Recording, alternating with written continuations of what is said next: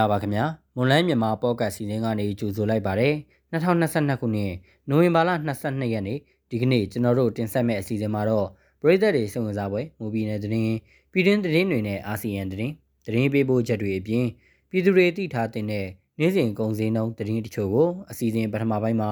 ရွေးချယ်ပြီးတော့တင်ဆက်ပေးတော့မှာဖြစ်ပါတယ်ဒါအပြင်ထိုင်းနိုင်ငံမှာအထောက်ထားမဲ့မြန်မာတွေကိုဖမ်းဆီးခံရတဲ့ဆိုတဲ့သတင်းပေးပို့ချက်ကိုတင်ဆက်ပေးပါဦးမယ်။ ဒီကနေ့စီစဉ်မှုကတော့ကျွန်တော်ခက်မြတ်သူကတာဝန်ယူတင်ဆက်ပေးတော့မှာဖြစ်ပြီးကျွန်တော်နဲ့အတူမိမေမုံကသတင်းတွေကိုကူညီဖတ်ကြားပေးတော့မှာပါနားဆင်ကြတဲ့ပရိသတ်အလုံးကိုမင်္ဂလာပါလို့နှုတ်ခွန်းဆက်သားပါရစေကျမမိမေယမုံကကိုခက်မြတ်သူနဲ့သူကူညီတင်ဆက်ပေးတော့မှာပါ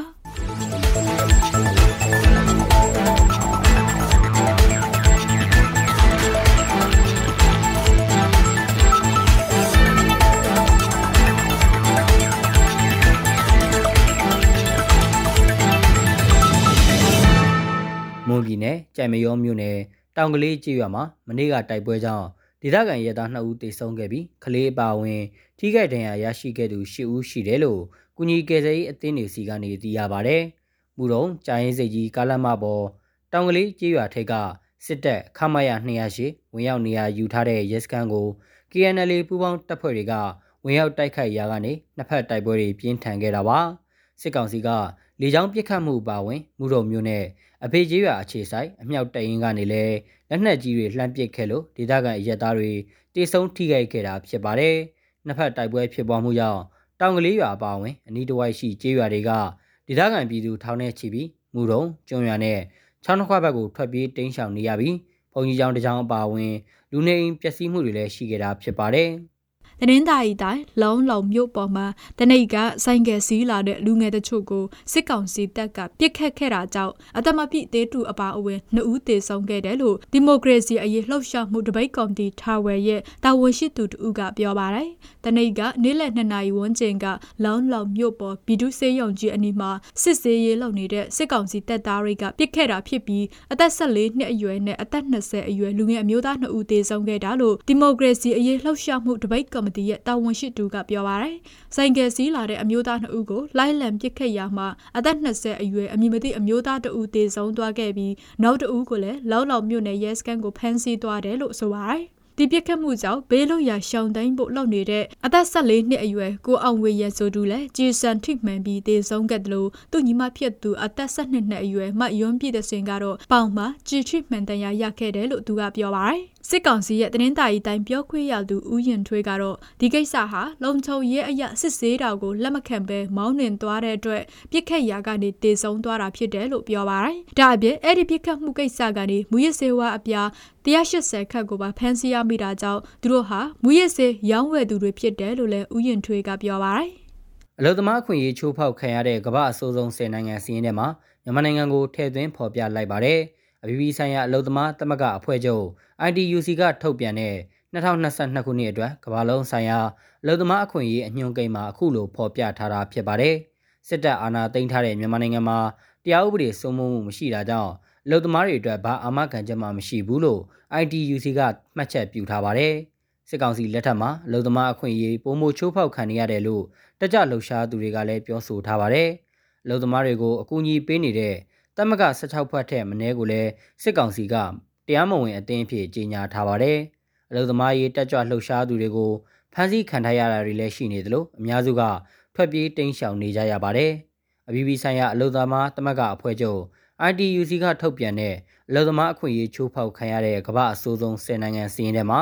မြန်မာ၊ဘင်္ဂလားဒေ့ရှ်၊ဖိလစ်ပိုင်၊တူရကီ၊ဂွာတီမာလာ၊ဘဲလာရုစ်၊ဘရာဇီး၊ကိုလံဘီယာ၊အီဂျစ်နဲ့ဆွစ်ဇာလန်တို့ပါဝင်ပါတယ်။ ရခိုင်ပြည်နယ်ပုံနာကျော်မြို့နယ်အရှက်ဘက်မှာရှိတဲ့ကြောက်စိတ်ရွာကိုစစ်ကောင်စီတပ်ဘက်ကလက်နက်ကြီးနဲ့ပစ်ခတ်တာကြောင့်တရားခံ400နီးပါးဘေးလွတ်ရာကိုထွက်ပြေးနေရတယ်လို့တရားခံတွေကပြောပါတယ်။ပြီးခဲ့တဲ့နေ့ရက်နေ့ည6နာရီကျော်ကမှာစစ်ကောင်စီတပ်ကလက်နက်ကြီးတွေနဲ့အဆက်မပြတ်ပစ်ခတ်ခဲ့တာလို့လုံခြုံရေးအရာအမိမဖော်လို့တဲ့ကြောက်စိတ်ရွာခံတူကပြောပါတယ်။အဲ့ဒီရွာဟာပုံနာကျော်မြို့နယ်နဲ့နမိုင်အကွာမှာရှိပြီးအိမ်ချေတရာကျော်နဲ့လူဦးရေ400နီးပါးနေထိုင်ကြသလိုလက်ရှိပုံနာကျော်မြို့မြို့ပေါ်နဲ့နိဆက်ရာရွာတွေကိုရွာလုံးကျွတ်ထွက်ပြေးနေရတယ်လို့တရားခံတွေကဆိုပါတယ်။ဒီပြစ်ခတ်မှုကြောင့်ရွာထဲကနေအိမ်အချို့ထိခိုက်ပျက်စီးတာတွေရှိပေမဲ့ရွာကိုမပြန်ရဲသေးတာကြောင့်အရေးအတွက်အတိအကျမသိရသေးဘူးလို့လည်းတရားခံတွေကပြောပါတယ်။ပြီးခဲ့တဲ့နိုဝင်ဘာလလယ်ပိုင်းကလည်းကြောက်တော်မြို့နယ်ကချောင်းတူရွာကိုလက်နက်ကြီးကြီးကြားရောက်ပောက်ကွဲခဲ့တာကြောင့်တရားခံ3ဦးသေဆုံးပြီး3ဦးထိခိုက်ဒဏ်ရာရခဲ့တယ်လို့တရားခံတွေကပြောပါတယ်။မြန်မာနိုင်ငံကရွှေပြောင်းဝင်ရောက်လာတဲ့သူတွေကို လက်ခံပေးဖို့ကုလသမဂ္ဂရဲ့မြန်မာနိုင်ငံဆိုင်ရာလူ့အခွင့်အရေးကိုယ်စားလှယ်တူအန်ဒရူးစ်ကတောင်ကိုရီးယားအစိုးရကိုတိုက်တွန်းခဲ့တယ်လို့သိရပါဗျ။ကုလသမဂ္ဂလူ့အခွင့်အရေးအထူးကိုယ်စားလှယ်ဟာပြီးခဲ့တဲ့ရက်ပိုင်းကတောင်ကိုရီးယားနိုင်ငံကိုတွားရောက်တဲ့ခရီးစဉ်မှာအခုလိုတိုက်တွန်းပြောဆိုခဲ့တာပါ။သူ့အနေနဲ့ခရီးစဉ်အတွင်းမှာတောင်ကိုရီးယားအစိုးရအရာရှိတွေလူ့အခွင့်အရေးအဖွဲ့တွေမြန်မာပြည်တွင်းမှာစီးပွားရေးလုပ်ကိုင်နေတဲ့ကိုရီးယားစီးပွားရေးလုပ်ငန်းရှင်ကြီးတွေ NUG ရဲ့တောင်ကိုရီးယားကိုယ်စားလှယ်မြန်မာအတိုင်းဝိုင်းတွေနဲ့တွေ့ဆုံခဲ့တာပါစစ်ကောင်စီကအာဏာရယူထားမှုကြောင့်မြန်မာနိုင်ငံကိုမပြန်နိုင်တဲ့ကိုရီးယားရောက်မြန်မာတွေအပါအဝင်ပုံမှန်လမ်းကြောင်းကနေဝင်ရောက်လာတာမဟုတ်တဲ့မြန်မာတွေကိုပါကိုရီးယားနိုင်ငံမှာဆက်လက်လက်ခံပေးဖို့မစ္စတာတွန်အန်ဒရူးစ်ကတိုက်တွန်းပြောဆိုခဲ့တာပါဒါအပြင်တခြားနိုင်ငံတွေကိုလည်းမြန်မာတွေကိုမပြန်မနေရဆိုပြီးနေရက်ပြန်ပို့နေတာတွေရပ်တန့်သွားအောင်လုပ်ရမှာလဲကိုရီးယားကဥဆောင်ဖို့အကြံပြုတိုက်တွန်းခဲ့ပါသေးတယ်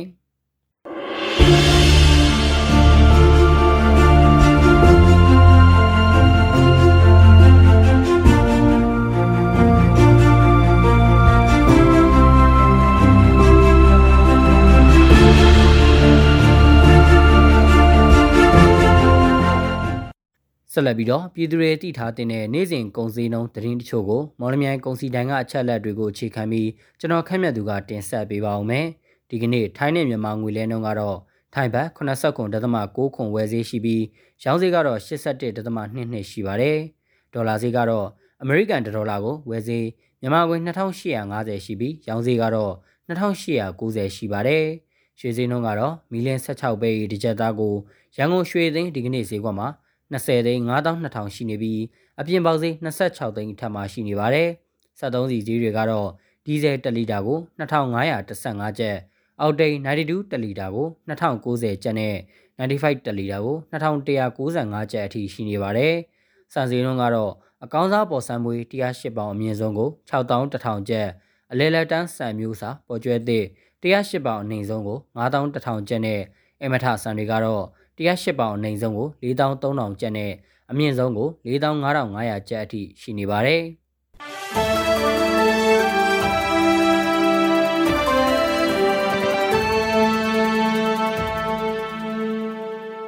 အခုတင်ဆက်ပေးသွားခဲ့တာကနိုဝင်ဘာလ22ရက်နေ့မှာဖြစ်ပျက်ခဲ့တဲ့မွန်ပြည်နယ်သတင်းပြည်တွင်းသတင်းနဲ့အာဆီယံသတင်းတွေအပြင်တနိတာစီစေးငွေစည်းနဲ့ကုန်စည်နှုန်းတွေကိုတင်ဆက်ပေးသွားခဲ့တာပါဆက်လက်ပြီးတော့ ထိုင်းနိုင်ငံမှာအထောက်ထားမဲ့မြန်မာတွေဖမ်းဆီးခံရတဲ့ဆိုတဲ့သတင်းပေးပို့ချက်ကိုစတောင်းတစ္ဆာကတင်ဆက်ပေးပါဦးမယ်။ထိုင်းမြန်မာနယ်စပ်မဲဆောက်မြို့မှာထိုင်းရဲစစ်တပ်စားတဲ့ဘူပေါင်းတပ်ဖွဲ့တွေက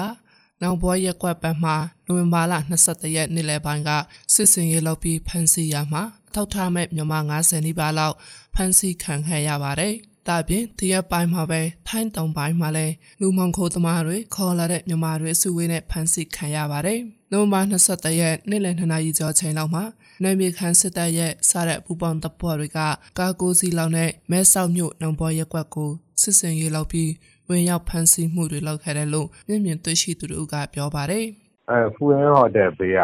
ဟို2000တလ2000ပေးရအဆောက်ဦးလေ။ तू က အောက်ထပ်ပေါ်တဲ့အခန်းတွေနဲ့အဲ့လိုလဲထားတဲ့အခန်းတွေနဲ့ဟိုနေပေါ့အဲအဲ့ဟိုနေကသူတို့ဝင်ဖမ်းတာ49ယောက်အထောက်ထားမဲ့လေဟိုသူတို့ဖမ်းသွားတယ် အခုဆိုရင်မဲဆောက်မြို့မှာအထောက်ထားမဲ့မြန်မာတွေကိုနှိမ့်စင်ဖမ်းဆီးနေပြီးအထောက်ထားလက်မှတ်မရှိသူတွေနိုင်ငံရေးတပ်ကြောလှုပ်ရှားမှုတွေကြောင့်တိန့်ရှောင်လာသူတွေဖမ်းဆီးခံနေရပြီးနေရပြန်ဖို့ခံရမှာကိုစိုးရိမ်နေတယ်လို့လည်းနေဆက်နေပြီးသူတဦးဖြစ်တဲ့ဦးအောင်တင်ကလည်းပြောပါတယ်ဒီဘက်မှာကတချို့ကြတော့လက်မှတ်ရှိတဲ့လူတွေတချို့ကြတော့လက်မှတ်မရှိတဲ့လူတွေအများကြီးတောင်းနေကြတယ်လူမျိုးပြောရဲဆိုတော့ လူမျိုးပြောတယ်သူမြန်မာနိုင်ငံကနေ ထွက်ပြေးလာတဲ့ တချို့လူတွေချောင်ထိန်နေတဲ့ လူတွေလည်း ရှိတယ် အဲ့လို လူမျိုးတွေကြတာတော်တော်လေး ကြောက်တယ်ဟိုအပြင်းအောင် မထွက်ရဘူး နိုမာလာ18ရက်နေ့တောင်ကလည်း ထိုင်းတောင်ပိုင်း ဆူရတ်ထန်ဒီခရိုင်တွင်တရားမဝင် ဝင်ရောက်လာကြတဲ့ မြန်မာနိုင်ငံသား40ကျော် ဖမ်းဆီးခံရပါတယ်။သူတို့တွေကို လူကောင်ကူသူတွေက ခေါ်လာကြတာပါ ဆူရတ်ဌာနေခရိုင် ဖူဖင်ဒေတာအမှတ်47အမြန်လာမှာ မြန်မာနိုင်ငံသားတွေကိုပြစ်ကတ်ကားတစ်စီးပေါ်မှာ တာလပတ်နဲ့အောက်ပြီးခေါ်လာဆင်ဖမ်းမိခဲ့တာပါဒုတိယကားကတော့ဖန်စီစစ်စစ်မှုကိုမခံဘဲပေါင်းပြရာကနေ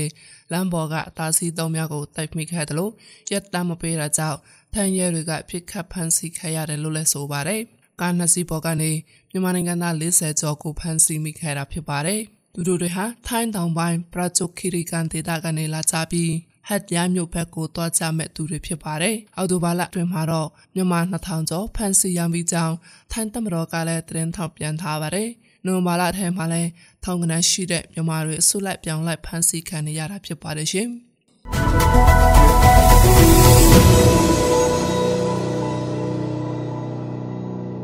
ကျမတို့ရဲ့မလဲမြန်မာပေါ့ကတ်အစီအစဉ်ဒီမှာတင်ပြီးဆုံးပါပြီ။နားဆင်ကြတဲ့ပရိသတ်အားလုံးကိုနောက်နေ့အစီအစဉ်တွေမှာဆက်လက်အားပေးကြပါအောင်လို့ဖိတ်ခေါ်ရင်းအစီအစဉ်ကိုအဆုံးသတ်ပါရစေ။အားလုံးကိုကျေးဇူးတင်ပါရရှင်